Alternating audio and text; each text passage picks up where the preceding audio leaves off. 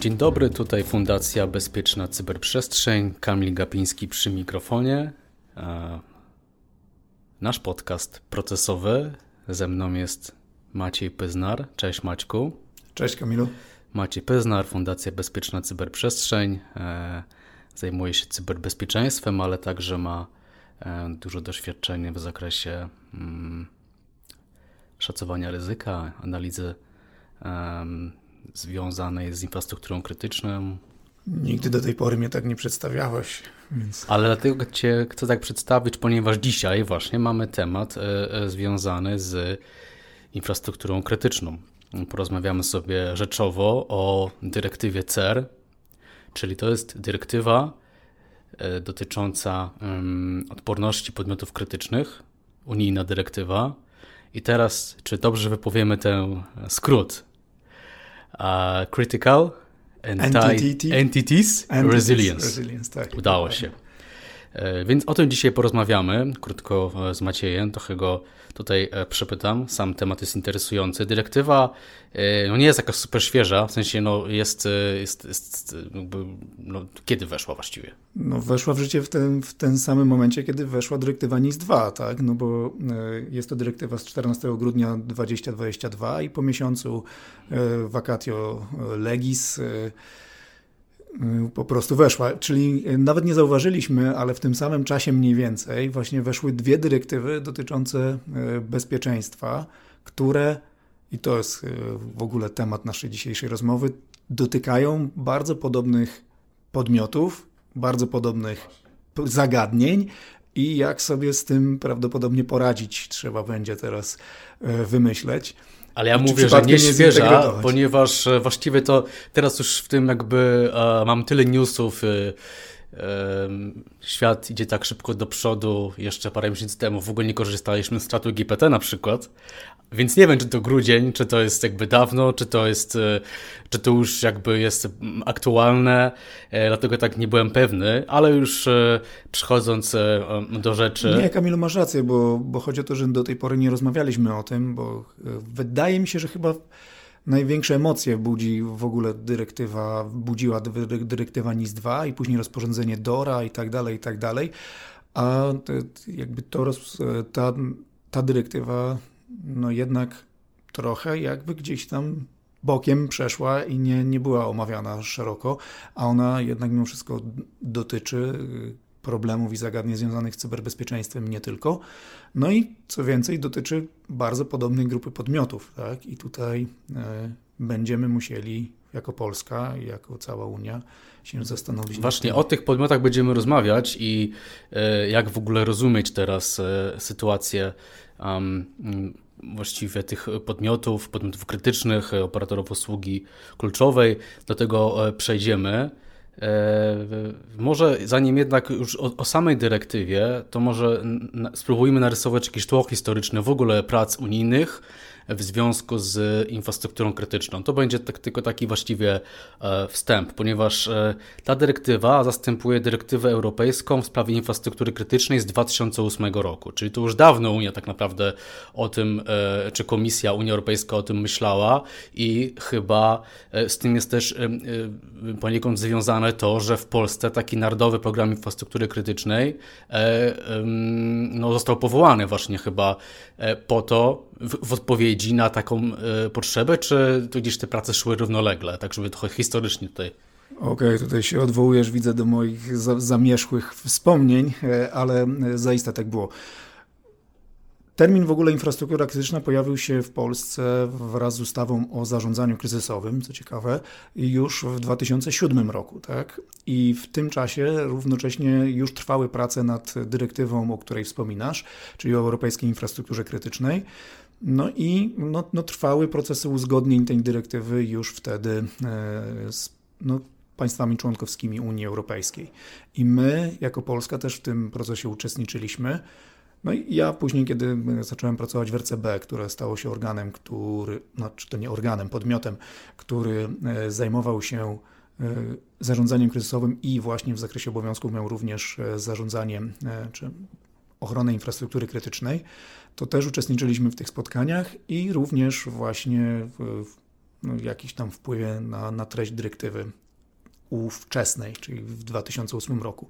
Wtedy jeszcze nie było no, takiego poziomu dojrzałości wiedzy, jak, jak jest teraz, jeśli chodzi o, o infrastrukturę. W związku z tym, y, co prawda, y, nasz ustawodawca w, w, nowelizacji ustawy dodał na samym końcu w definicji infrastruktury krytycznej, że nie są to tylko obiekty, urządzenia, instalacje i tak ale również usługi, co y, co było nie wiem, prorocze wręcz albo wizjonerskie, żeby dodać te usługi tam, dlatego że e, na początku wszyscy identyfikowali infrastrukturę krytyczną po prostu obiektowo, tak, jako jako obiekt. Nie Co wiem. to znaczy? Jako budynek na tak, przykład? Tak, nie wiem, no rafineria na przykład, okay. tak? Mhm. No to jest dość oczywistym, wydaje się, obiekt infrastruktury krytycznej, elektrownia, tama, port, jakkolwiek by, by to nie, nie identyfikować. No myślę, że większość z nas tak na, na, na zdrowy rozum z 50% oczywistej infrastruktury krytycznej jest w stanie wskazać.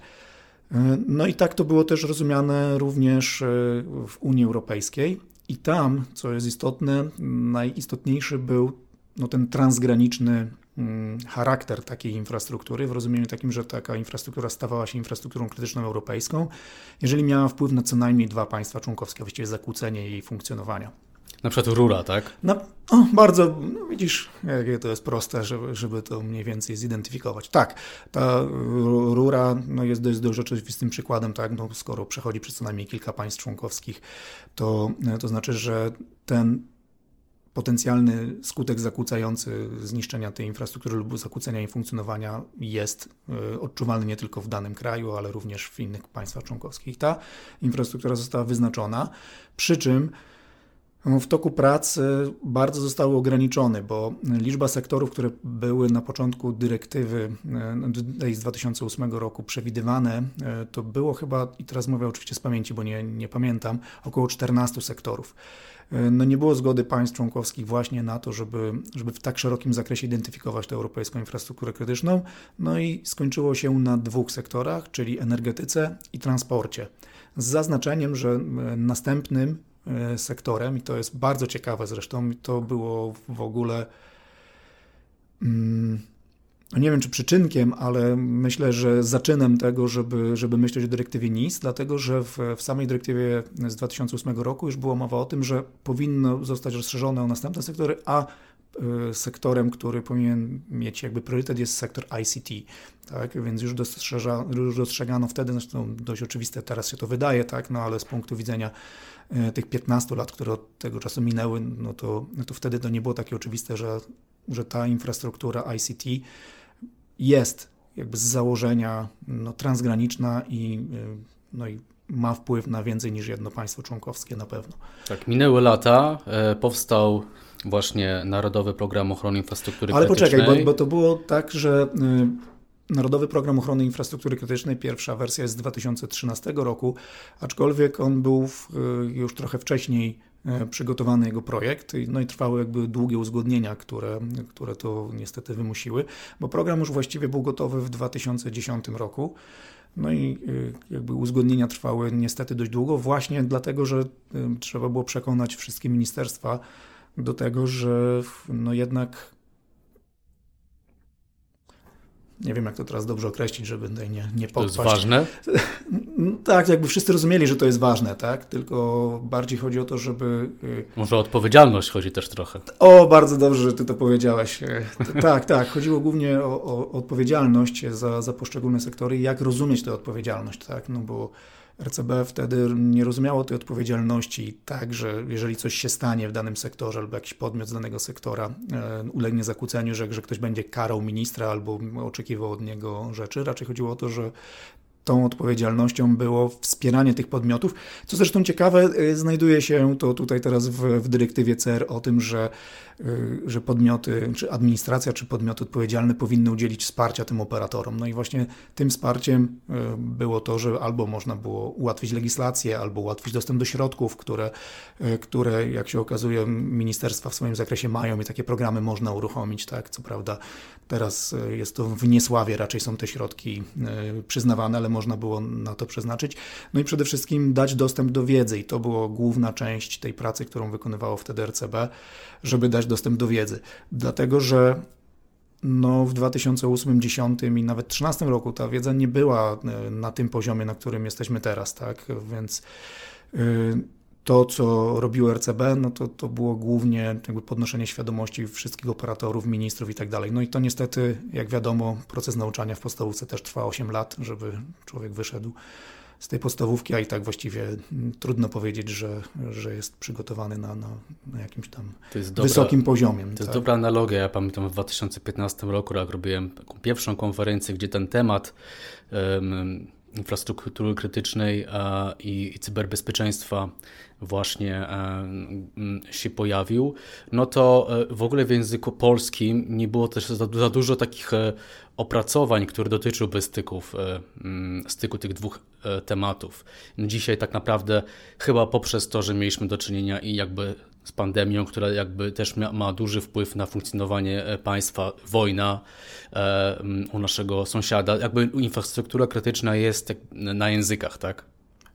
Wiesz co, no wydaje się, że to jest oczywiste, tak? Tylko to właśnie to nie było oczywiste. No ja sam pamiętam, właściwie nie, nie często popełniam jakieś publikacje, e, bo uważam, że, że trzeba napisać zawsze coś, coś nowego, a to, a to trudno zrobić.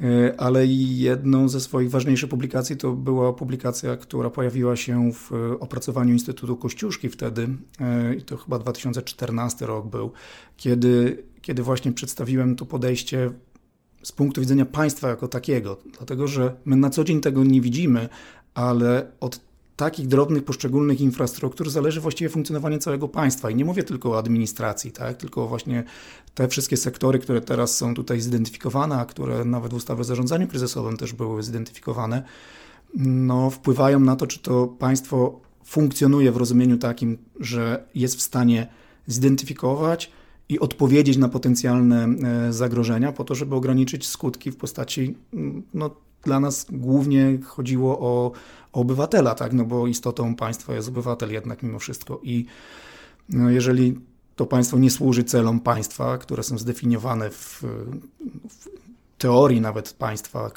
pięć obszarów co najmniej, takie, które można zidentyfikować, no to, to znaczy, że ono właściwie można powiedzieć, że jest zakłócone jego funkcjonowanie. No i z tego punktu widzenia odnosiliśmy to schodząc w dół do, do momentu, w którym jesteśmy w stanie zidentyfikować, no wtedy jeszcze próbowaliśmy zidentyfikować te obiekty, e, urządzenia i instalacje. Tak? Teraz zresztą kiedy, kiedy opuszczałem RCB w 2018 roku, to, e, to też przygotowaliśmy zmianę do ustawy o zarządzaniu kryzysowym, w którym e, już koncentrowaliśmy się na usługach krytycznych, tak? czyli wtedy, kiedy pojawiała się pierwsza dyrektywa NIS, to my, no my, my, my, już, my już byliśmy po tych przemyśleniach. 2016 rok to pojawia się dyrektywa NIS.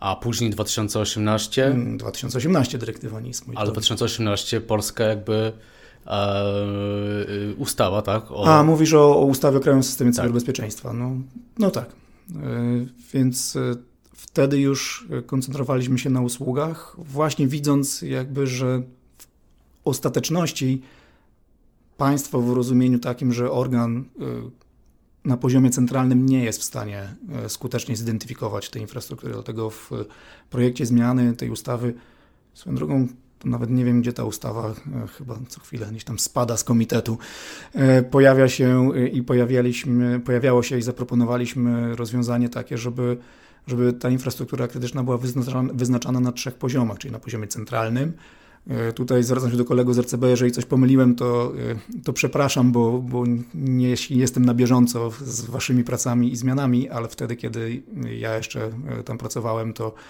to była to infrastruktura na poziomie centralnym, czyli której zakłócenie może mieć wpływ bezpośrednio na, na całe państwo. Tak? No i tych infrastruktur możemy sobie też nawet tutaj kilka wymienić w rozumieniu takim, że, żeby wymyśleć je, ale nie, nie róbmy tego. Na poziomie wojewódzkim, na poziomie lokalnym, czyli taka powiedzmy w cudzysłowie gminna, tak? no bo wszystkim się wydaje, że no oczywiście z punktu widzenia państwa mała y, nie wiem, przepompownia ścieków czy, y, czy oczyszczalnia ścieków nie jest istotna z punktu widzenia bezpieczeństwa całego państwa, no ale z punktu widzenia lokalnego ona ma krytyczne znaczenie, tak? no bo na przykład wszyscy mieszkańcy zależą od tej jednej oczyszczalni i w przypadku jej braku, no po prostu no, mogę Państwu tylko powiedzieć, że ja mam zbiornik bezodpływowy zwany potocznie szambem, więc jeżeli nie mogę z niego korzystać, no to zasadniczo jest dramat, tak? I, no i myślimy o tym w tym kontekście, że taki dobrobyt i zagrożenie potencjalnie zarówno epidemiologiczne, jak i, jak i inne dla, dla obywateli tego regionu, w przypadku nawet takiej małej infrastruktury, no jest po prostu duże, tak? I, i dlatego y, wtedy powstał pomysł, żeby żeby na tym poziomie lokalnym była taka wyznaczana infrastruktura lokalna, krytyczna. No i odpowiednio mniejsze oczywiście dla niej byłyby wymogi bezpieczeństwa. Tym niemniej e, bezpieczeństwo rozumiane jako, my to nazywaliśmy wtedy takim sześciopakiem, bo to było zapewnienie bezpieczeństwa fizycznego, teleinformatycznego, którym na którym my się tu skupiamy, prawnego, technicznego, osobowego i na końcu właśnie tym szóstym punktem bardzo istotnym z naszego punktu widzenia było to, że te pięć sposobów zabezpieczenia może po prostu od razu nie ma czegoś takiego jak stuprocentowe bezpieczeństwo. Zresztą wiemy to i opowiadamy o tym cały czas. Więc ostatnim, ostatnim punktem tego sześciopaku były właśnie plany odtwarzania, ciągłości działania i tak dalej. I to, to jest y, w sumie zabawne, może dla mnie satysfakcjonujące, że to wszystko teraz jest tutaj w dyrektywie CER. Tak? I, no i w sumie miło tak jest, aczkolwiek mm, czuję taki niedosyt, że, że mogliśmy to zrobić wcześniej.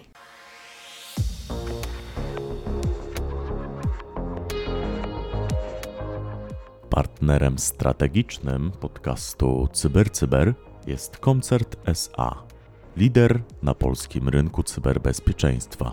Sprawdź nas na www.koncert.pl. Czytając dyrektywę, mam takie dwa spostrzeżenia główne. Po pierwsze, jest ona prosta, co nie jest takie wcale oczywiste. Wydaje mi się, że dyrektywa NIS jest, mimo że dotyczy mniejszego właściwie zakresu, mocno e, obszarowo dotyczy mniejszego zakresu, to jakby w swoim, a swojej treści jest e, jednak bardziej zawiła ale to jest jakby pierwsza moja myśl, a druga to e, właściwie cała dyrektywa odwołuje się do znanych już procesów, takich jak właśnie szacowanie czy analiza e, ryzyka, wdrażanie zabezpieczeń, reagowanie na incydent, no i gdzieś tam koordynacja tego całego procesu.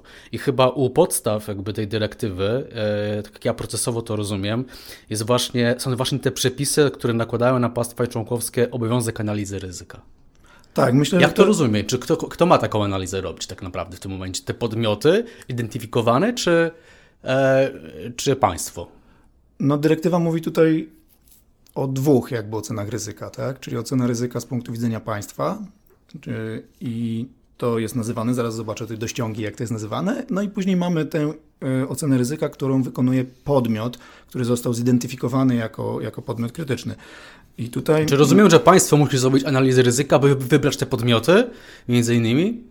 Tak, tak, dokładnie taki, taki jest, jest proces, że, że państwo identyfikuje podmioty, biorąc pod uwagę zagrożenia dla siebie, dla swojej populacji i tego istotnego skutku zakłócającego, który, do którego jest wprost odniesienie z dyrektywy NIS-2.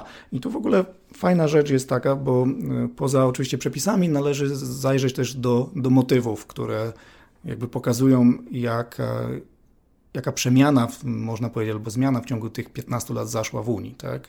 Czyli, że rzeczywiście było tak, że państwa unijne stosowały przepisy dotyczące europejskiej infrastruktury krytycznej, ale na różnym poziomie, czyli dlatego stwierdzono tutaj, że potrzebna jest nam harmonizacja, bo, bo inaczej y, no, będzie nierówne to traktowanie tych podmiotów. Tak? Jedne państwa miały ostrze, inne miały słabiej. Tak?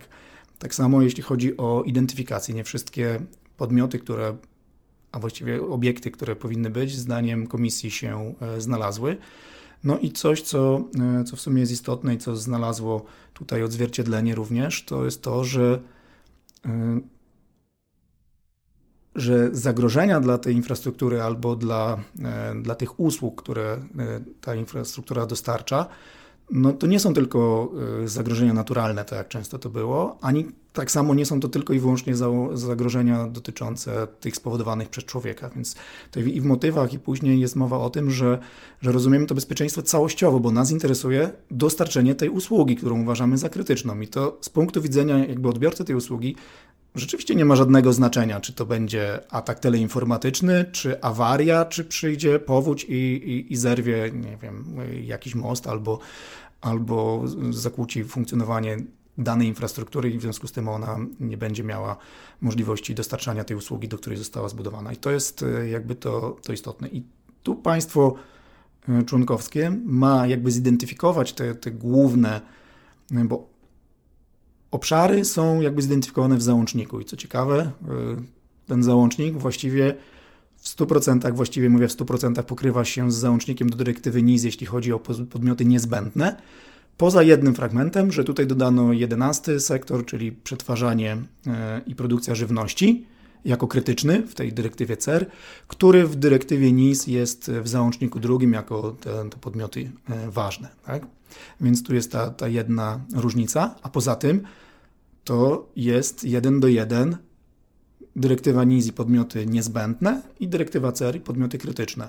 Co więcej, w dyrektywie NIS jest mowa o tym, przepraszam, CER, jest mowa o tym, że jeżeli traktujemy te podmioty, a właściwie bezpieczeństwo tej infrastruktury całościowo, no to bezpieczeństwo teleinformatyczne też jest bardzo ważne. I jeżeli jako takie bierzemy je pod uwagę, no to należy spełnić wymogi z dyrektywy NIS.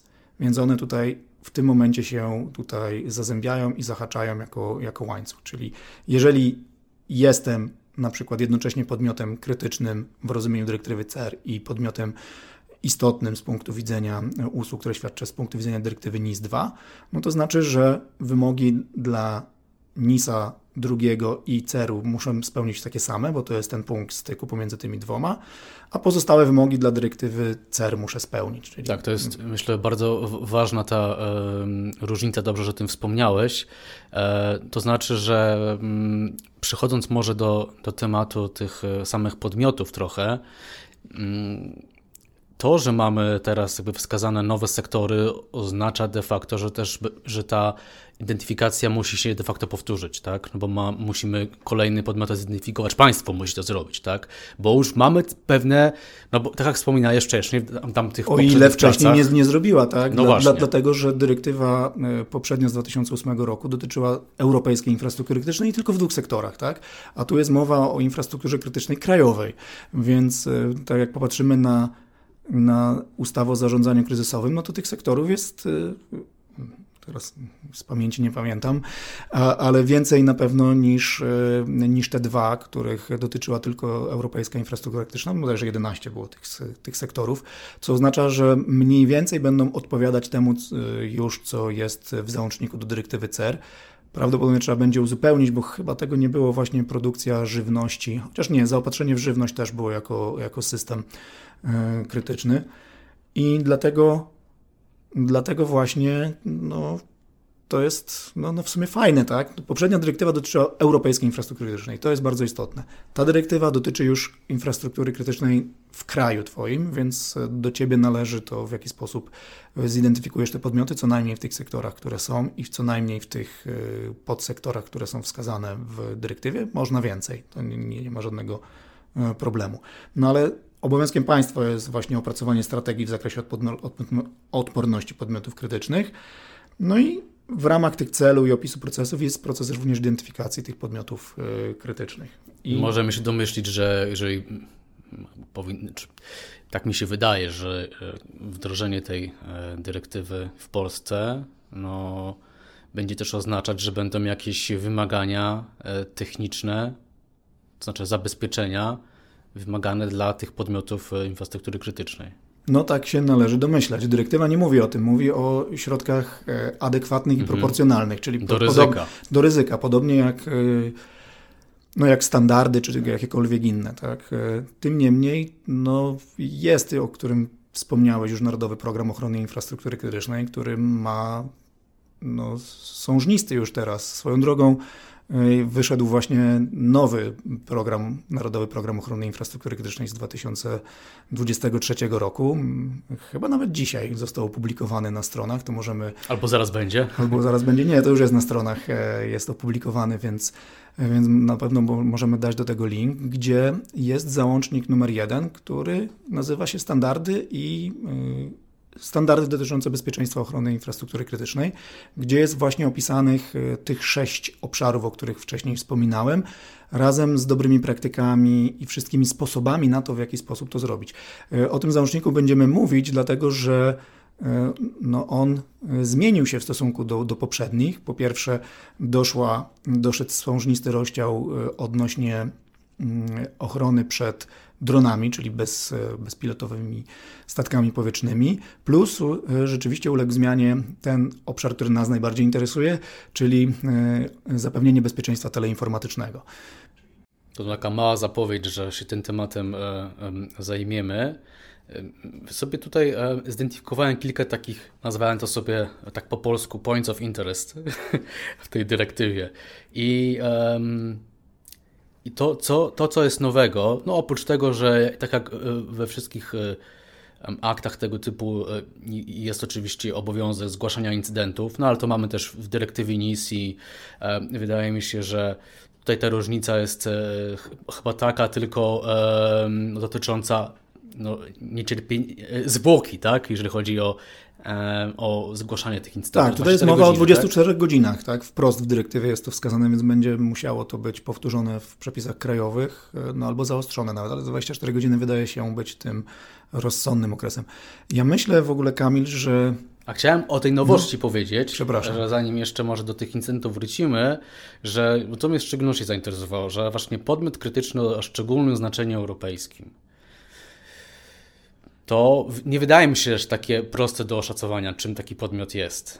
Um... Znaczy te kryteria są tutaj wskazane w, mhm. w samej dyrektywie. Właśnie. One są co prawda dość ogólne, ale to jest y, bezpośrednie nawiązanie do poprzedniej dyrektywy, tak? No bo poprzednia dyrektywa o europejskiej infrastrukturze krytycznej mówi o tym, że jest to no, obieg, urządzenie, instalacja, które ma wpływ na więcej niż dwa państwa członkowskie. Tutaj jest mowa o tym, że ten, y, ten skutek musi być dla co najmniej sześciu, bodajże ile pamiętam, państw członkowskich, plus, y, że no, muszą być jakby dokonane y, konsultacje, tak? I, no i to będzie pewnie zadanie takie, żeby komisja, zresztą jest tutaj mowa o, o grupie wsparcia, która mogłaby pomóc właśnie zidentyfikować takie, takie infrastruktury. I myślę, że to jest celem grupa tego... do spraw odporności podmiotów krytycznych? Tak, ale jest tam też mowa o... Mm, przepraszam, teraz zajrzę do ściągi. Y, jest mowa o misjach doradczych, o właśnie. Jasne. Czyli, że na wniosek państwa członkowskiego y, o szczególnym znaczeniu europejskim będą można, będzie można y, korzystać z takiej misji doradczej. No i jakby wracając do tych kryteriów. Po pierwsze, to musi być podmiot, który jest krytyczny w danym kraju. Po drugie, świadczy on te same lub podobne usługi dla co najmniej lub w co najmniej sześciu państwach członkowskich. No i został powiadomiony o tym fakcie, że, że jest tym podmiotem.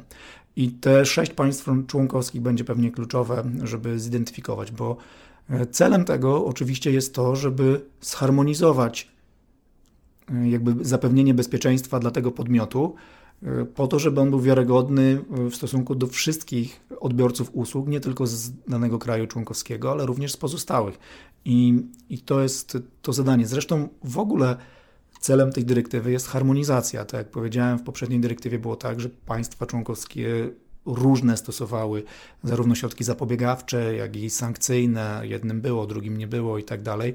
Więc teraz dyrektywa proponuje, żeby to zharmonizować właśnie w ten sposób, żeby wyznaczyć te podmioty w tych sektorach, które są, biorąc pod uwagę ocenę ryzyka i e, co więcej, jest wprowadzony wprost w dyrektywie możliwość nakładania sankcji, jak również e, mechanizmy kontrolne, czy w postaci kontroli, czy w postaci audytów zewnętrznych i, i tak dalej. Czyli właściwie wszystko to, co, co było proponowane w, w Narodowym Programie i w pracach RCB już e, no, jakiś czas temu.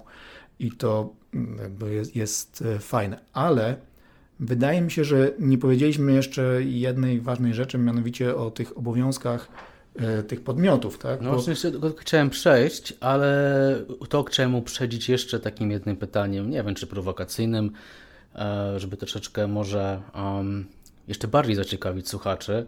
Kto to właściwie powinien koordynować w Polsce? Powinien lub e, domyślasz się, że będzie koordynował? Tak, to, to jest w sumie bardzo ciekawe pytanie. Tak się zawsze mówi, kiedy nie, nie zna się odpowiedzi na nie. Ale rzecz w tym, że w mojej opinii, jako, jako mnie samego, myślę, że powinniśmy zintegrować w jedną ustawę y, ustawę o Krajowym Systemie Cyberbezpieczeństwa i ustawę o zarządzaniu kryzysowym, jeżeli tak by się dało. Nie wiem, nazwijmy ją ustawą o odporności państwa, jakkolwiek by, by ona się nie nazywała, bo, bo właściwie zarówno w dyrektywie NIS-2, jak i w dyrektywie CER jest mowa o organach właściwych. Tak? Tylko, że doświadczenia z ustawy o Krajowym Systemie Cyberbezpieczeństwa e, obecnej pod jakby rządami dyrektywy NIS 1 pokazują, że no jest potrzebna koordynacja pomiędzy tymi właściwymi organami, tak? No bo jeżeli nie wiem, Komisja Nadzoru Finansowego robi to, a, a ministerstwo. ministerstwo robi coś innego, właściwie w tym samym obszarze, a, a różnice między wymogami dotyczącymi cyberbezpieczeństwa nie są aż tak duże, jeśli chodzi o podstawy i te minimalne wymagania, prawda? To, to jednak okazuje się, że powinien być podmiot, który, który to powinien mm, jakby spinać i skoordynować. Wydaje się, że takim podmiotem dobrym jest RCB, ale no jakby plany y, zmiany ustawy o ochronie ludności powodują, że to RCB nie będzie funkcjonować, więc trudno mi powiedzieć, czy to będzie nowy podmiot, czy y, czy któreś z ministerstw, na przykład, albo któryś z ministrów jako organ będzie, będzie to koordynował. No nie ulega wątpliwości, że ktoś to powinien koordynować, tak? No bo jeżeli mamy wyznaczyć w aż tylu sektorach y, ministrów czy tam y, podmioty właściwe, no to znaczy, że no, no robi się nam po raz kolejny no, no podział taki. Jeżeli... Że funkcje RCB cały czas teraz jakby pozostają we właściwości kancelarii premiera Rady Ministrów, tak dobrze to jakby Tak, tak, tak. No, no, e, ustawa o zarządzaniu kryzysowym mówi o tym, że jest to e, podmiot podległy prezesowi Rady Ministrów, więc e, jest to rzeczywiście podmiot podległy prezesowi Rady Ministrów. I, no i prawdopodobnie będą musiały te prace zostać jakoś skoordynowane. Jakby nie, nie podejmuje się podpowiadania. W każdym razie na pewno trzeba zrobić tak, żeby do dnia 17 lipca 2026 roku każde państwo członkowskie musi zidentyfikować te podmioty krytyczne dla sektorów i podsektorów określonych w załączniku.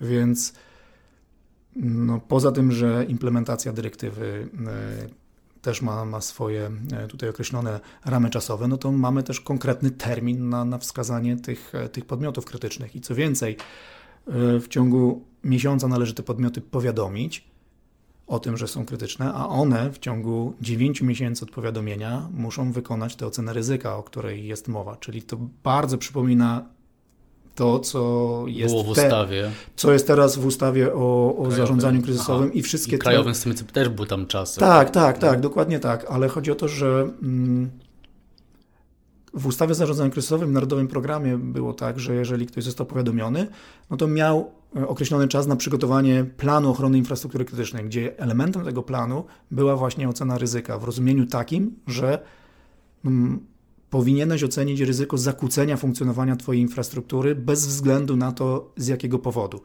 I to jest dokładnie to samo, co, czego wymaga e, teraz dyrektywa CER, żeby taką kompleksową ocenę ryzyka z, zrobić.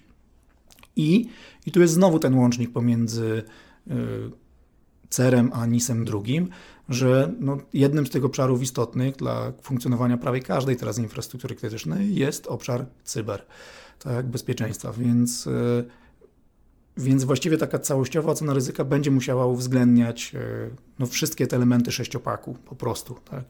I Fajna jest jeszcze tutaj jedna rzecz, mianowicie, że zwrócono uwagę na, na insidera, tak zwanego, czyli coś, co w Narodowym Programie jest wskazane jako zapewnienie bezpieczeństwa osobowego. I no, tu jest wprost y, mowa o tym, że można dokonywać sprawdzeń, można prosić o y, rejestr niekaralności, należy prosić o, o, o weryfikację i możliwość weryfikacji tożsamości na podstawie dokumentów przedstawionych itd. Tak czyli wszystko to, co y, zostało opisane w Narodowym Programie właśnie w tym obszarze. No plus dodatkowe przepisy, które e, przy okazji e, wejścia w życie ustaw około terrorystycznych udało się zapewnić, że operator infrastruktury krytycznej może wnioskować o, o weryfikację karalności dan, danej osoby. No, prawdopodobnie zawsze jest problemem obcokrajowcy w jakimś zakresie, no ale rozumiem, że, że tutaj są właściwe organy, które mogą się kontaktować z organami sąsiedniego państwa po to, żeby zweryfikować, czy dana osoba jest lub nie jest w jakikolwiek sposób e, zagrożeniem dla, dla naszej infrastruktury. I No i właściwie warto do tej dyrektywy zajrzeć, dlatego że jeżeli spojrzymy na przykład na jedną rzecz, mianowicie o tym, jak powinny wyglądać e, obowiązki poza właśnie tą oceną ryzyka przeprowadzoną przez podmiot krytyczny, jest jakby e, mowa o, o środkach w zakresie odporności wprowadzane przez te podmioty krytyczne. I jeżeli spojrzymy na tę listę, to z punktu widzenia procesowego to jest nic innego jak to, co znajdziemy w, w nowym ISO 27002 i w NIST na przykład Cyber Security Framework. Tak? Tam co prawda jest być może lekka różnica, ale tutaj ciągle mamy zapobieganie, zapewnienie fizycznej ochrony, odpowiedź na incydenty, odtworzenie po incydentach, zapewnienie odpowiedniego zarządzania bezpieczeństwem pracowników, no i zwiększenie świadomości personelu. Więc no, w tych obszarach na pewno będą musiały się zawrzeć te środki zapobiegające, a myślę, że gotowcem wręcz jest Narodowy Program Ochrony Infrastruktury Krytycznej z załączniku pierwszym, plus wszystkie te dokumenty, które opracowało RCB e, dla operatorów, bo było tam szereg poradników, na przykład właśnie poradnik w zakresie weryfikacji autentyczności dokumentów. Tak? No, wiele osób nie wie, w jaki sposób zweryfikować autentyczność e, dowodu osobistego i tak dalej, no bo po prostu nie mają kompetencji w tym obszarze. I my takie wtedy jeszcze poradniki przygotowaliśmy i myślę, że jeżeli je upublicznimy, no to, no to w prosty sposób będą odpowiedzią i już realizacją dyrektywy, dyrektywy CER. No jest to na pewno e, słuszna koncepcja. E, trochę już zapowiedzieliśmy e, wcześniej nasz następny podcast dotyczący właśnie Narodowego Programu Ochrony Infrastruktury Krytycznej, najnowszego. I trochę też zatoczyliśmy koło w tej rozmowie, bo zaczęliśmy rozmawiać o tym narodowym programie, właśnie na nim też jakby na nim i na innych publikacjach RCB skończyliśmy.